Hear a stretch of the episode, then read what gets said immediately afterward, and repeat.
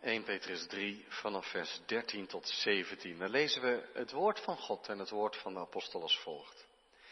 En wie is het die u kwaad zal doen als u navolgers bent van het goede?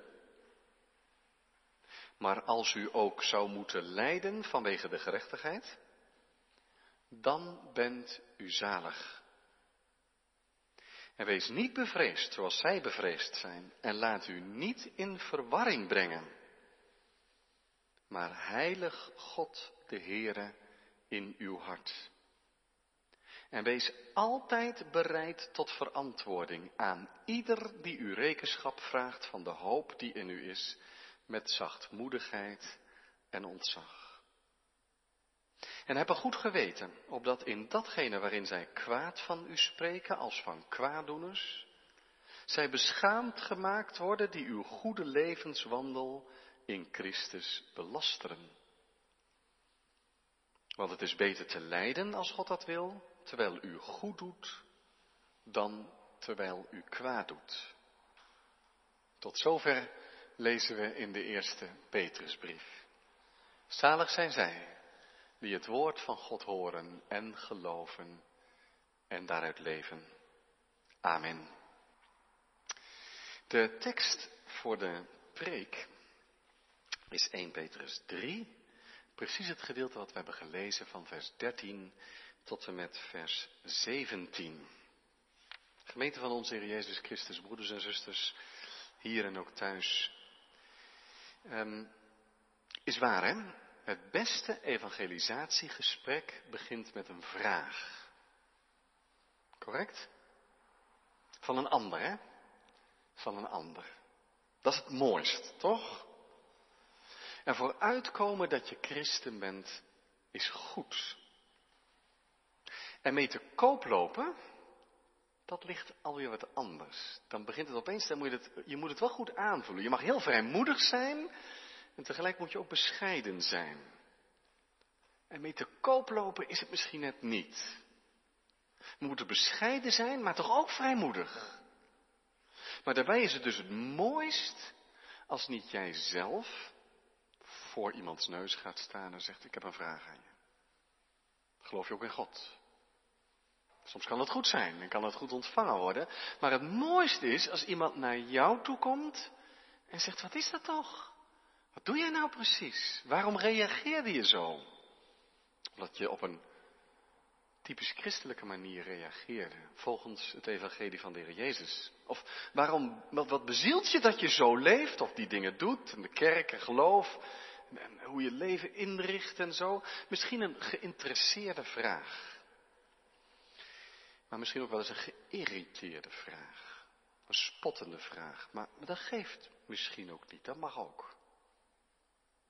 Hoe dan ook, je hebt iets losgemaakt bij een ander. En dat is goed. Wat apostel Petrus in deze versen zijn lezers, de gelovigen, op het hart bindt, dat is kruip niet weg, duik niet onder, leef niet in de schaduw, kom er maar vooruit dat je christen bent. En dat je er blij mee bent. En dankbaar voor bent. En dat je zegt, ik zou niets anders willen. Want dit is mijn leven. Ja, zegt iemand, maar als dat spot oplevert dan, dat wil je toch niet? Nee. En daar gaat het ook over in dit gedeelte. Want Petrus zegt, ja, je kunt natuurlijk mensen tegen je krijgen omdat je onverstandig en onjuiste dingen doet. Maar het kan ook zijn dat je mensen tegenkrijgt terwijl je het goede doet en getuigend leeft, ja, dan is er soms spot, lijden zelfs. Dat kan, dat weet Petrus maar al te goed. Al zegt Petrus ook, het zou ook wel eens kunnen dat het respect oplevert. Echt een overtuigd christelijk leven. Het lijkt zo te beginnen in vers 13. Hè? Wie is het die u kwaad doen zal als u navolgers bent van het goede? Ja, het kan dat het lijden teweeg brengt, maar vaak ook respect. Maar al is er spot, dan nog, kruip niet in je schulp. Leef als christen open en bloot, vrijmoedig, met overtuiging, want wie zo leeft, al zou je de wind ook wel eens van voren krijgen, wie zo leeft, leeft gezegend. Die leeft uitnodigend. En daarom geef ik deze preek maar als thema mee. Kom er maar vooruit. Dat is goed onthouden, hè? Kom er maar vooruit. En twee lijnen in de preek. De eerste is vragen oproepen. Leven waardoor je vragen oproept. En de tweede lijn is antwoorden geven als de vragen komen. Dus vragen oproepen, antwoorden geven onder dat thema. Kom er maar vooruit. Het eerste punt wat Petrus naar voren brengt is dus een aansporing om niet bang te zijn. Ben je wel eens bang? Ik bedoel niet bang voor het onweer of zo, of bang voor tegenslagen of ziekte, maar meer bang dat mensen ontdekken dat je christen bent en er dan een vraag over stellen. Of bang voor een spottende opmerking waar je je dan heel ongemakkelijk en ongelukkig bij voelt. Bang voor een lelijke reactie omdat je christen bent. U vers 13, ik zei het al, het kan nog wel eens meevallen. Meestal geeft het achting en respect. Je ziet dat in het begin van handelingen, dat de gemeente groeit omdat ze in achting staan bij het volk. Ja, daar komt ook vervolging bij, maar toch, de gemeente had uitstraling. Het bracht mensen onder de indruk. Als je nou zo leeft, zo niet aan je spullen vastzit, zo gevend, zo liefdevol, dat, dat heeft een uitstraling. Dat die respect oproept. Het gaat er natuurlijk dan wel om, staat erbij, dat u navolgers bent van het goede. Dat is wel heel belangrijk. Want mensen prikken er dwars doorheen als je christen bent in naam, maar niet in je levenswandel. In vers 16 komt de apostel daarop terug. Dan zegt hij, heb een goed geweten. Zorg ervoor, nee, begrijp me goed, een christen is niet perfect. Een christen maakt ook fouten. Hè? We gaan niet zeggen dat christenen perfecte mensen zijn. En toch zegt de apostel, heb een zuiver, een goed geweten. Zodat als mensen je belasten of allerlei praatjes en gedachten over christenen, negatieve gedachten over christenen hebben, dat ze jouw leven zien en dan denken, ja, ja, nee, misschien had ik toch geen gelijk. Het, het klopt niet, want je, je bewijst het tegendeel. Heb een goed geweten, zodat je niet als je eens een keer iets uitlegt over het christelijk geloof, dat je dan direct bij jezelf moet denken, ja dat zeg ik wel, maar ik leef er zelf ook niet uit. Dat gaat niet werken, hè? Stel je voor dat een christen, of een collega tegen jou zegt, jij bent ook christen, hè? We hebben christen, hè? Maar dat maakt niet uit, want ik weet, ik ken je goed genoeg. Je doet toch wel mee. Hm? Ja, ook met verkeerde praat, met roddel, met leugen, bedrog, of drinken, of, of, wat dan ook. Pijnlijk is dat. Nee, een goed geweten. Dus niet dat je perfect bent, een christen maakt genoeg fouten, en toch probeer je oprecht met de Heer te wandelen. En het doel is dan dat je de mond mag stoppen van de mensen die van allerlei dingen denken over christenen. Vers 16, een goed geweten opdat in datgene waarin zij kwaad van u spreken als van kwaaddoeners, dat zij beschaamd worden als ze uw goede levenswandel in Christus belasteren. Ze lasteren erover, een beetje christelijk leven jij zeker. Maar als ze dan je levenswandel zien, dan, dan vallen ze toch stil. Stel dat een collega in de lunchpauze over tafel zegt, christenen, allemaal schijnheilige mensen. Allemaal schijnheilig. Beetje vroom naar de kerk gaan ondertussen, allemaal schijnheilige mensen. Ik zeg niet dat hem bovenop moet springen hoor. Het kan zijn dat je direct wat terug zegt. Het kan zijn dat je zegt, wacht maar, ik zal het je anders laten zien. Bewijs met je leven dat het anders is. Of je zit in de klas. En iemand, een leerkracht of een klasgenoot, die zegt, alle christenen zijn dom. Dom. Christenen zijn dom. Want die geloven niet in de wetenschap. Die geloven in God. Dat soort rare tegenstellingen. Ik zeg niet dat je dan moet zeggen, oh wacht, noodrem. We zetten de trein even stil en we zullen dat eens even rechtzetten. Misschien denk je wel, nou, ik vind het wel moeilijk om dat uit te leggen. Dat kan. Maar wat je kan doen is bewijzen dat ze geen gelijk hebben. Dat je gewoon zegt, ik ben christen, ik geloof. En daar laat je het gewoon bij. Ze zien wel aan je dat je niet dom bent en dat je niet schijnheilig bent. Je mag rustig zeggen, ik geloof. En de manier waarop je werk doet, hoe je met mensen omgaat, hoe eerlijk je bent, En laat je zien dat het niet klopt. Eigenlijk bedoelt Paulus dat in vers 16. Ik zei al, je hoeft niet perfect te zijn. Dat wil je wel, maar we zijn gebrekkige mensen. Belangrijker is dat je een oprecht christen bent. En daar ligt, en dan hamer ik daar nog maar eens even op, daar ligt wel een vraag voor ons allemaal. Want stel nu voor dat jij de christen bent van je familie. En um, ja, dat ligt natuurlijk nu allemaal nog wat moeilijk, maar je, de, de, de standaard verjaardagsfeestjes, weet je, of de feestjes, dan zit je bij elkaar en natuurlijk gaat het niet over een bijbelstudie of zo, hè, want je bent de enige christen, dus de gespreksonderwerpen gaan over andere dingen. En natuurlijk praat je mee, hè.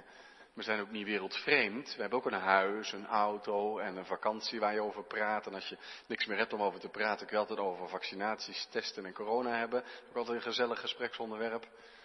Maar goed, het gaat over van alles en nog wat op zo'n verjaardagsfeestje. En het is gezellig. Ze weten dat je christen bent, maar je praat over je huis, je auto en je vakantie, alsof dat het enige is wat telt. Ik, dat schuif ik u niet in de schoenen, hè? ik beschuldig u nergens van. Maar stel nou eens voor dat dat gebeurt. Ik weet, ik kan het ook niet even met een vingerknip oplossen. Hè? Dat je op een gegeven moment zegt, ja, nu hebben we er genoeg over gepraat. Nee, natuurlijk, je respecteert de mensen voor wie dat wel het een en het al is. En laten we wel zijn, een huis, een auto en een vakantie wil ook voor ons nog wel eens belangrijk zijn, toch? En toch. Vers 15 spreekt over de hoop die we hebben. En dat dat ons hart heeft. Dat we van de Heer Jezus houden, die de Heer is van ons leven. En dat dat huis belangrijk is voor onderweg. En die auto kan een keer belangrijk zijn voor onderweg, helemaal voor onderweg. En die vakantie, daar kun je echt van genieten. En zo zijn er vast meer dingen te noemen, maar je zou toch mogen hopen dat die familie, waar je de enige christen in bent, ook in de manier waarop je erover praat, merkt, ja, die kan er leuk over meepraten, maar het heeft zijn hart niet. Hij vindt het wel belangrijk, maar er is één ding belangrijker. Het is altijd maar weer de koers houden op het koninkrijk van God en de Heer Jezus. Ik zeg niet dat hij dan even tussen alle regels door erin fietst in dat gesprek. Hè? Dat het altijd weer over de Heer Jezus moet gaan. Maar er mag toch wel een beetje verschil zijn in hoe je in het leven staat en wat je belangrijk vindt. Petrus schrijft aan, weet u nog, die aanhef van de brief, de vreemdelingen en de bijwoners, die zijn onderweg. Al die dingen die we nodig hebben onderweg en waar we van mogen genieten onderweg, zijn ook onderweg. Ze hebben niet ons hart. Begrijpt u? Kijk, het kan zijn dat we de naam christen hebben, maar dat uit niets blijkt dat we hoop hebben. En daarom legt de apostel hier zoveel nadruk op getuigend leven. Dat wil dus zeggen een leven dat vragen oproept, dat zich onderscheidt. Niet een heel opvallend leven waarin je te koop loopt met je christen zijn, maar toch een leven wat gebouwd is op de trouw van God, de liefde van het evangelie, op verdraagzaamheid, op vergeving, op gunnen, liefde. Waarom vergeeft hij of zij als iemand lelijk doet? Waarom? Waarom zit je het niet betaald? Waarom, waarom zet je het niet betaald als iemand zomaar een, een, een bepaalde job voor je neus wegkaapt, terwijl je wel de kans hebt om iemand terug te pakken? Waarom doe je dat niet? Waarom help je? Ja, iedereen wil helpen als het niks kost, maar waarom help je als het je wat kost? Waarom doe je dat? Waarom verdraag je? En kun je zo aardig zijn tegen mensen die tegen jou zo lelijk doen? Vragen oproepen. Nu zegt Petrus, vraag, vaak levert dat respect op, maar niet altijd. Wat nu als mensen juist, juist in antwoord op dat goede christelijke leven, je dwars gaan zitten? Moet je dan maar zeggen, nou dan zwijg ik erover. Nou, Petrus zou zeggen, trek je niet aan, nee, niet zwijgen, niet in je schulp kruipen, kom er maar vooruit. En dan haalt hij in vers 14 een tekst staan die hij ongetwijfeld van de Heer Jezus zelf heeft geleerd. Er staat in vers 14, maar als u ook zou moeten lijden vanwege de gerechtigheid, dan bent u zalig. Herkent u die tekst? Uit de zaligsprekingen, dat de Heer Jezus in Matthäus 5, vers 10 tot en met 12, zegt, zalig zijn die vervolgd worden omwille van de gerechtigheid. Dan ben je zalig, echt gelukkig, want God staat aan jouw kant. Hij geeft je nu reeds zijn zegen, vrede, geluk midden in het lijden en hij geeft je toekomst.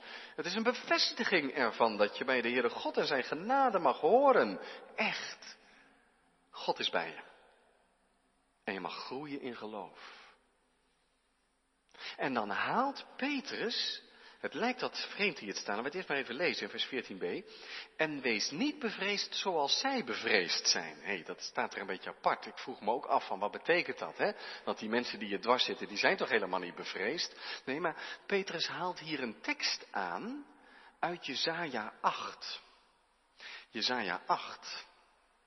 Daar zegt de Heere tegen Jezaja en via Jezaja tegen het volk. Dan zegt de Heer, je moet niet bang zijn. Niet alleen als een bemoediging, maar ook echt als een opdracht. Jij, Jezaja, mag niet bang zijn zoals andere mensen bang zijn.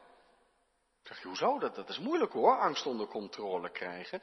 En toch zegt de Heer dat. Waar zij bevreesd voor zijn, Jezaja 8, Daarvoor, vers 11, daarvoor mag u niet bevreesd zijn en niet schrikken. Waarom is dat? Jezaja 8, vers 10, want God is met ons. En vers 13, de Heere van de legermachten, hem moet u heilig achten. Hij is uw vrees. Hij is uw verschrikking. Waarom zouden we beven als rietjes, omdat iemand zegt, je bent niet goed snik dat je gelooft? Oeh, wat lastig. Spot en zo. Waarom zouden we er bang voor zijn? Als we in ons hart een diepe vrees, lees maar, een diep ontzag hebben voor God. Het is toch de omgekeerde wereld dat je dan voor mensen bang zou zijn? En alsof God daar niks in betekent. En daarom zegt de Heere God tegen Jezaja, nu als je op mij vertrouwt, wat er ook aan dreiging is, dan betekent dat vertrouwen ook dat je niet vreest zoals andere mensen vrezen. Want ik ben bij je. En, en ik ben jouw ontzagwekkende God. Daarom zegt Petrus hier, als hij die tekst aanhaalt in vers 14, wees niet bevreesd zoals mensen die niet geloven bevreesd zijn. Ik zou niet zeggen, je mag er makkelijk bovenaan staan, maar heb je een God of heb je geen God? Heb je een God om op te vertrouwen, die eens de wereld oordelen zal? Mogen we er dan niet vrijmoedig voor uitkomen om anderen op te roepen ook tot geloof te komen. Laat u niet in verwarring brengen. Laat je niet bang maken, maar vers 15, heilig God de Heere in uw hart. Nou, dat is precies wat er in Jezaja staat, hè. De Heere van de legermachten, hem moet u heilig achten. Heilig God de Heer in uw hart. Dat wil zeggen, erken hem Wees daar altijd maar bang voor dat je het oordeel van mensen belangrijker vindt dan, God zelf. Heilig God de Heer in je hart. Dat wil zeggen, erken Hem, geef Hem de eer, geef Hem de eerste plaats in je leven. Want je zou toch niet graag in de schoenen van die mensen staan. Soms lijkt dat makkelijker, hè? dat je als christen het moeilijker hebt dan niet-christen misschien. Maar je wilt er niet ruilen. Door Gods genade, door Jezus Christus, mogen we vrede met God hebben en met een open blik, met verwachting, zonder vrees, zien we de toekomst tegemoet, wat er ook gebeurt. Dan zou je niet graag in de schoenen staan voor mensen die het zonder God doen, spotten met geloof, maar ook voor God moeten verschijnen op de oordeelsdag. Heilig dan God de Heere in uw hart. Dat is dus het eerste gedeelte, die eerste lijn. Hè? Kruip niet weg, maar leef zo dat je vragen oproept. Of respect, of misschien zelfs spot. Niet onnodig, hè? Maar toch door vrijmoedig, bescheiden vrijmoedig te leven. Je hoeft niet een opvallend mens te zijn. Wees maar bescheiden. Maar laat het ook niet zo zijn dat niemand kan vermoeden dat je christen bent. Hoe? Ja, ik heb al een paar keer wat praktische dingen gezegd, maar begin eens met helpen. Bereid zijn om voor iemand in te staan, voor iemand op te komen of te vergeven. positieve woorden over iemand te spreken. Geen roddel. Altijd zegenen. Verdragen. Leven in blijdschap. Dat is een leven wat vragen oproept. Maar dan ook de tweede, die tweede lijn. Antwoorden geven. Want in vers 15, kijk maar mee, vers 15 staat, Heilige God de Heer in uw hart en wees altijd bereid, altijd, altijd bereid tot verantwoording aan ieder die u rekenschap vraagt van de hoop die in u is. Wees altijd bereid om als iemand zegt, jij gelooft toch, leg eens uit. Dat je dan altijd bereid bent, oké. Nee, ik zeg, misschien niet altijd. Misschien dat ze zo je aan het bespotten zijn dat je op dat moment zegt, nee hoor. Als je echt geïnteresseerd zou zijn, zou ik het uitleggen, maar nu kan dat niet. Nu sta je alleen maar te wachten totdat ik iets gek zeg, zodat jij de spotten mee kan drijven. Dat, dat hoef je niet te doen. Dat, dat zou parels voor de zwijnen zijn, begrijpt u? Maar toch altijd bereid om als iemand zegt, kom eens uit de schaduw, je bent christen, om dan ook echt uit die schaduw te stappen en te zeggen, ja dat klopt. Ik zal het proberen uit te leggen. Mooi hè, als dat gebeurt met een vraag. Waarom?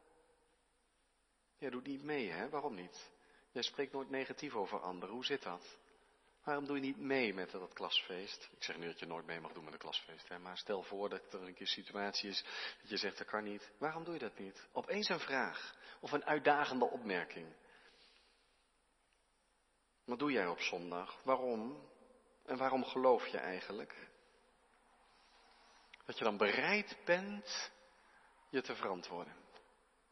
Weet u wat nou het grote probleem is? En ook dat begrijp me goed, ik schuif u dat niet zomaar in de schoenen, maar ik, ik heb toch het idee dat dat een groot probleem is, dat veel christenen vandaag de dag met een mond vol tanden staan. En ik hoop dat ik ongelijk heb. Ik zou het willen dat ik ongelijk had. Dat christenen heel goed over van alles nog wat kunnen praten. Maar als iemand zegt, hoe zit het met het christelijke geloof? Dan zeggen, waarom ik geloof? Ja, um, gewoon. Ja, ik zo helemaal zo. Ik zeg niet dat u dat doet, hè. ik maak er een beetje, ik overdrijf het natuurlijk een beetje, maar om, om het aan te voelen. En dat je zegt, ja, ja, poep. Ik, heb altijd al geloofd, dus uh, doe, doe ik nu nog? Ja, dat overtuigt vast mensen. Of je zegt, nou ja, geloof, ja, we hebben best een fijne kerk, toffe diensten en zo. Of je zegt, ja, het geloof, dat biedt allemaal zoveel, dat is allemaal zo troostrijk, dan kan ik er weer tegen. Nou, dat is al iets mooier. Maar toch, is dat het nou helemaal? Hey, weet je wat het punt is? Als je niet kunt uitleggen waarom je gelooft, weet je wat er dan gebeurt? Dan zul je ook niet leven zodat je vragen oproept. Want die vragen zijn lastig. Dus dan ga je eigenlijk, uh, ja, ik ben christen, ik hoop maar dat ze niet zien dat ik naar de kerk ga. En ik uh, wil wel eens iemand helpen, maar ik hoop maar niet dat ze denken dat ik christen ben. Ik overdrijf weer, hè. Maar om aan te voelen, dat is een diep probleem van de christenheid vandaag de dag, is te vrezen. Petrus zegt, wees altijd bereid, ook als het lijden met zich meebrengt, of hoe dan ook, wees bereid om je te verantwoorden. Als iemand, daar heb je dat, je rekenschap vraagt. Er staat niet dat Petrus zegt, neem die sinaasappelkist mee, zet hem maar op de stoep en ga iedereen maar verkondigen in je straat dat je christen bent en dat je gelooft. Dat zegt hij niet. Maar leef uitnodigend en als iemand, of dat nou geïnteresseerd of spottend is, daar vragen over stelt, dan zeg je, oké, ik zal het proberen. En dan over de hoop die in je is, wat is dat toch mooi? Over de hoop. Want dat stempelt je leven, dat maakt dat je onderweg bent, dat maakt dat je hoopvol in het leven staat, dat je onbevreesd bent, dat je de toekomst onder ogen ziet en dat je gelooft dat het ergens naartoe gaat. Maar als iemand dan rekenschap vraagt, hoe doe je dat dan? Dat is best lastig, maar je kunt het leren. Eerste les, niet alles in één keer willen vertellen, maar eerlijk misschien één van de kernzaken aangeven. Je krijgt een vraag, waarom doe je dat? En je zegt, omdat ik Jezus wil volgen. That's it. En natuurlijk hoop je dat het gesprek verder gaat. Maar dan hoef je niet al je categorisatielessen die je ooit hebt gehad erbij te pakken en te zeggen, nou laten we eens beginnen bij het begin. Heb je een uurtje of drie? Eén, schiep God de hemel en de aarde. En dat je denkt, dan moet heel dat christelijk geloof allemaal uitleggen. Even wachten nog hoor, bij het koffieautomaat. Derde bakje koffie, vierde bakje koffie, les vijf, lessen. Dat hoeft niet. Heel veel christenen klappen dicht omdat ze denken, dan moet ik alles vertellen. Van voor tot achter van het christelijk geloof. En weet ik dat allemaal wel? Nee, waar gaat het om? Spreek uit je hart. En als iemand dan een lastige vraag stelt waar je het antwoord niet op hebt, zeg je, nou dat weet ik niet. Wil je het echt weten? Zoek het voor je na. Dan ren je naar de kerk, vraag je je dominee, heb lastige vraag, wat zal ik antwoorden? Dan denken we samen er eens even over na. Of je ouders, of wat ook, je zoekt het zelf op. Maar vaak lopen die gesprekken niet vast. Want het gaat helemaal niet over weetjes, men, men, men wil weten, waar zit je hart? Waarom doe je dat? Het ligt er niet altijd bovenop, maar je bent een fijne werknemer en je hebt oog voor een ander. En er ontstaat maar een gesprekje. En dan hoef je niet alles te vertellen. Dan zeg je soms waarom? Omdat ik Jezus wil volgen. Omdat ik van hem hou. Omdat hij de Heer van mijn leven is. Waarom roddel je niet mee? Waarom ben je altijd zo eerlijk? Waarom verdraag je? Waarom ben je zo moedig? Ja, omdat Jezus alles voor me is. En ik vertrouw op Hem. Hoezo? Is toch iemand van lang geleden? Nou, zeg je nee, dat denk ik niet. Ik denk dat hij ook van vandaag is. Ik denk dat hij leeft. Altijd. Zie je, dit hoeven geen gesprekjes van vijf minuten te zijn, maar korte momenten. Vanuit je hart, op de kern. Niet een hele bouwwerk van de christelijke leer hoef je uitdragen. Maar gewoon eenvoudig. En daarom bedoel ik, je kunt het leren. Als je nou de dag begint met, stel nou als iemand vraagt waarom ben je christen, hoe zou ik daarop antwoord geven? Nou, dat mag je best even oefenen. Dat is geen schande om dat eens even te oefenen. Dat je zegt, ja, ja, ik kan er al tien antwoorden op geven, maar laat ik vandaag deze maar eens nemen als die vraag komt. Kan hè? Ik zeg dat het hoeft te zijn. Maar er zijn weinig mensen die zomaar spontaan, want het is best spannend hoor, als iemand over je geloof een vraag stelt. Zeker als er ook nog andere mensen bij staan. Om dat allemaal zomaar te bedenken. Maar je kunt het ook oefenen van tevoren. Zegt, weet je wat ik dan het liefst zeg, waarom geloof je? Waarom was je gisteren in de kerk? Waarom? Het was toch mooi weer, wat doe je dan in de kerk? Ze weet je hoe fijn dat is? Ik ben daar om God te prijzen. Nou, uh, dan komen ze aan een tweede bakje koffie niet toe, hoor. Dan, vallen, dan vallen ze zo om. Wat is dat nou toch? God prijzen. Dat je dat leuk vindt. Leuk? Nou, nog iets meer dan leuk. En natuurlijk mogen ze dan vragen, wat is dat dan, God prijzen? Nou, je samen zingt tot eer van God, want ik geloof in God en dat hij alle eer waard is. Want God heeft ons lief. Jou ook, wist je dat? Korte gesprekken. Gesprekken zijn vaak zo kort. Maar spreek altijd vanuit je hart. Niet hoe het zit, maar wat het voor u betekent. En dan hoeft het niet volledig te zijn, maar laat een goed woord van de Heer over. En misschien zeggen ze belachelijk. Dat kan. Belachelijk. Nou, Petrus zegt ook niet dat al die mensen tot bekering komen.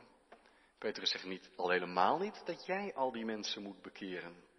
Maar je hebt wel een getuigenis gegeven. Heel kort, heel eenvoudig, vanuit je hart. Waarom Jezus alles voor je is. Ik geloof dat Hij zijn leven ook voor mij heeft gegeven. Kun je je voorstellen?